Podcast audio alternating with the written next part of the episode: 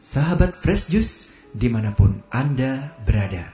Sesaat lagi kita akan mendengarkan Fresh Juice Selasa 29 Maret 2022 bersama Romo Yohanes Kukuh Cahyo Wicaksono CM dari Roma, Italia. Selamat mendengarkan.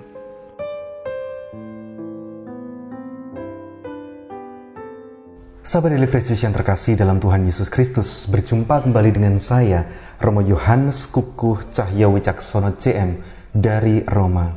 Hari ini kita akan meneguk jus segar kita yang diinspirasi oleh Injil Yohanes bab 5 ayat 1 sampai dengan ayat 16. Sesudah itu ada hari raya orang Yahudi dan Yesus berangkat ke Yerusalem di Yerusalem, dekat pintu gerbang domba, ada sebuah kolam yang dalam bahasa Ibrani disebut Bethesda. Ada lima serambinya, dan di serambi-serambi itu berbaring sejumlah besar orang sakit, orang-orang buta, orang-orang timpang, dan orang-orang lumpuh yang menantikan guncangan air kolam itu Sebab sewaktu-waktu turun malaikat Tuhan ke kolam itu dan menggoncangkan air itu, barang siapa yang terdahulu masuk ke dalamnya, sesudah goncangan air itu, menjadi sembuh apa pun penyakitnya. Di situ ada seorang yang sudah 38 tahun lamanya sakit. Ketika Yesus melihat orang itu berbaring di situ, dan karena ia tahu bahwa ia telah lama dalam keadaan itu, berkatalah ia kepadanya, "Maukah engkau sembuh?" Jawab orang sakit itu kepadanya, "Tuhan, tidak ada orang yang menurunkan aku ke dalam kolam itu apabila airnya menjadi goncang. Dan sementara aku menuju ke kolam itu, orang lain sudah turun mendahului aku." Kata Yesus kepadanya, "Bangunlah, angkatlah tilammu, dan berjalanlah." Dan pada saat itu juga sembuhlah orang itu. Lalu ia mengangkat tilamnya dan berjalan. Tetapi hari itu hari Sabat. Karena itu, orang-orang Yahudi berkata kepada orang yang baru sembuh itu, "Hari ini hari Sabat, dan tidak boleh engkau memikul tilammu." Akan tetapi ia menjawab mereka, Orang yang telah menyembuhkan aku, dia yang mengatakan kepadaku, angkatlah tilammu dan berjalanlah. Mereka bertanya kepadanya, siapakah orang itu yang berkata kepadamu, angkatlah tilammu dan berjalanlah? Tetapi orang yang baru sembuh itu tidak tahu siapa orang itu, sebab Yesus telah menghilang ke tengah-tengah orang banyak di tempat itu. Kemudian Yesus bertemu dengan dia dalam bait Allah, lalu berkata kepadanya, "Engkau telah sembuh, jangan berbuat dosa lagi, supaya padamu jangan terjadi yang lebih buruk." Orang itu keluar, lalu menceritakan kepada orang-orang Yahudi bahwa Yesuslah yang telah menyembuhkan dia. Dan karena itu orang-orang Yahudi berusaha menganiaya Yesus karena ia melakukan hal-hal itu pada hari Sabat. Demikianlah Injil Tuhan. Terpujilah Kristus. Sahabat Delivery yang terkasih dalam Tuhan Yesus Kristus, kisah yang baru saja kita dengarkan dalam bacaan Injil tadi sebenarnya merupakan gambaran mini kehidupan. Kisah, kisah seseorang yang telah lama menderita sakit dan kemudian disembuhkan melalui tangan kasih Tuhan. Kisah diawali dengan sebuah ilustrasi bahwa di dekat pintu gerbang domba di Yerusalem ada sebuah kolam yang konon bernama Bethesda yang kalau diterjemahkan dalam bahasa Indonesia berarti rumah belas kasihan atau juga bisa diterjemahkan menjadi rumah kebaikan. Singkat kata, Bethesda adalah sebuah tempat yang dianggap sebagai rumah yang membawa kebaikan karena belas kasih Tuhan turun bagi mereka yang hendak memohonkan kesembuhan. Kolam ini konon katanya menyembuhkan kebutaan maupun kelumpuhan. Aturan mainnya sederhana. Ketika malaikat Tuhan turun dan mengguncangkan air kolam tersebut, orang pertama yang masuk ke dalamnya akan sembuh, apa pun penyakitnya. Namun, sahabat delivery yang terkasih, bukankah ini sebuah aturan main yang begitu buas? Mengapa demikian? Sebab bagaimana mungkin orang buta dan orang lumpuh dipaksa untuk berlomba, beradu cepat untuk sampai ke kolam saat air terguncang. Namun, kita juga bisa memahami bahwa bagaimanapun juga, untuk mencapai suatu kondisi yang lebih baik, senantiasa ada harga yang harus dibayar. Dan itulah aturan main di dalam dunia ini, bukan? Apa pun profesi kita, di tanah mana pun kita berpijak. Masing-masing memiliki aturan mainnya sendiri yang harus kita hormati jika kita ingin tetap bertahan hidup. Yang mungkin aturan main tersebut begitu berat dan janggal untuk bisa kita pahami sepenuhnya. Tadi dikisahkan bahwa di sekitar Bethesda ada seorang yang sudah 38 tahun sakit lumpuh. Sekali lagi, 38 tahun. Waktu yang begitu lama, waktu yang cukup untuk menghabiskan seluruh harta miliknya guna mencari pengobatan yang terbaik. 38 tahun juga merupakan waktu yang cukup untuk kehilangan teman-teman dekat lantaran kini dia sudah tidak memiliki apa-apa. 38 tahun adalah waktu yang cukup juga untuk ditinggalkan sanak saudara karena mungkin dianggap beban. Dan mengapa saya berani berkata demikian? Sebab orang yang sakit lumpuh tadi bersaksi sendiri bahwa tidak ada seorang pun yang menurunkan dia ke dalam kolam air ketika air mulai terguncang. Yang menarik ialah, saudara-saudari sekalian, sahabat Delivery Juice yang terkasih, bahwa ketika melihat orang ini, Tuhan Yesus tahu apa yang dialami orang itu.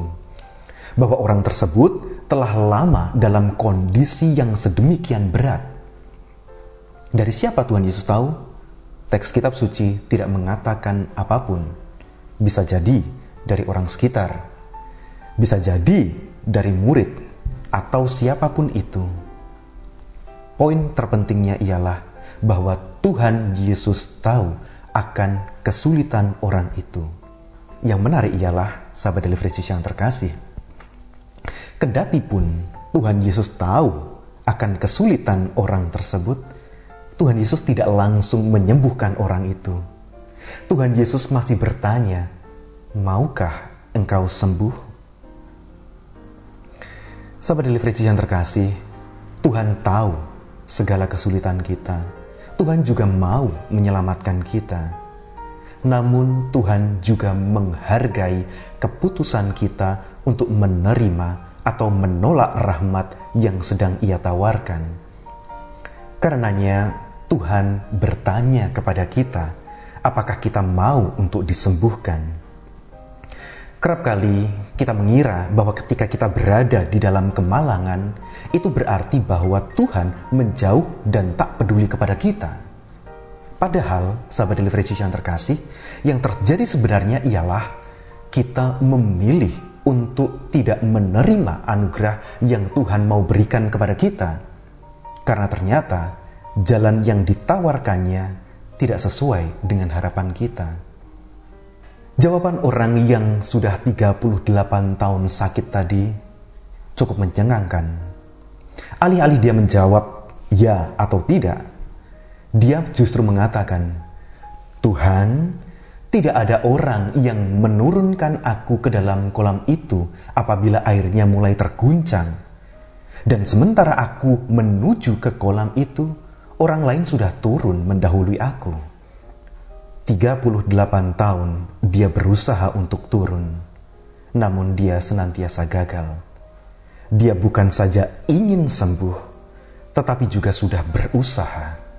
Akhirnya apa yang terjadi, ibu bapak, saudari-saudara yang terkasih? Tuhan menyembuhkan dia dengan menyuruhnya bangun, mengangkat tilamnya, dan berjalan. Celakanya, hari itu hari Sabat, saat orang dilarang untuk beraktivitas berat atau bekerja, sebab hari itu adalah hari yang dikuduskan bagi Tuhan. Lantas, apa yang terjadi? Orang-orang Yahudi kemudian sibuk melihat apa yang dilanggar oleh orang tersebut, ketimbang merayakan betapa Tuhan melakukan pekerjaan agung di hari yang dikuduskan baginya. Bukankah Demikian juga yang kerap terjadi di dalam hidup kita. Akan senantiasa ada orang yang nyinyir atas kebaikan yang kita alami ketimbang merayakan kebaikan tersebut. Kendati pun demikian, tetaplah bangun, angkatlah tilammu, berjalanlah, karena hidup ini pada akhirnya adalah pertanggungjawabanmu pada Sang Pencipta. Dan kisah pun belum usai, sahabat Delivery Juice yang terkasih. Orang tersebut berjumpa dengan Tuhan Yesus di dalam bait Allah. Dan kata-kata yang penting pun keluar dari Tuhan Yesus. Engkau telah sembuh. Jangan berbuat dosa lagi, supaya padamu jangan terjadi yang lebih buruk. Apa artinya ini? Apakah Tuhan Yesus sedang menandaskan bahwa sakit yang dialami oleh orang tersebut diakibatkan oleh dosa yang dia lakukan? Apakah itu berarti bahwa setiap kemalangan yang menimpa diri kita itu murni karena dosa-dosa yang kita lakukan? Lantas bagaimana dengan mereka yang mengalami kemalangan bukan karena dosa-dosa yang mereka lakukan? Saya ragu jika Tuhan Yesus hendak menegaskan kaitan antara kemalangan yang dialami orang tersebut dengan dosa yang diperbuatnya. Tuhan Yesus hanya ingin menandaskan bahwa ketika kita sudah mendapatkan kehidupan baru, jangan pernah hal itu kita sia-siakan. Jangan pernah kita kembali kepada aneka macam bentuk kehidupan kelam yang pernah kita jalani sebelumnya. Sebab jika demikian, kita akan bisa kehilangan kehidupan baru yang baru saja kita dapatkan. Bahkan lebih dari itu, kita bisa jatuh pada keadaan yang jauh lebih buruk dari yang sebelumnya kita pernah menemukan kehidupan baru itu. Dan satu hal yang terakhir, sahabat delivery yang terkasih, Injil tidak menyebutkan siapa nama orang itu. Yang jelas, dia tidak bernama, sebab nama dia bisa saja nama kita masing-masing yang sedang berjuang untuk sampai pada kesembuhan, sampai pada keselamatan, maupun sampai pada sebuah kehidupan baru yang lebih baik. Pertanyaannya, maukah kita sembuh? Saya hanya bisa berdoa agar jawaban kita adalah iya. Berkat Tuhan menyertai kita semua. Amin.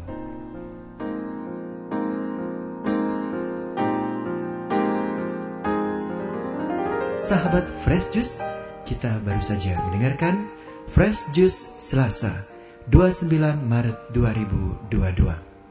Terima kasih kepada Romo Yohanes Kuku Cahyo Wicaksono untuk renungannya pada hari ini. Sampai berjumpa kembali dalam Fresh Juice edisi selanjutnya. Jaga kesehatan dan salam Fresh Juice.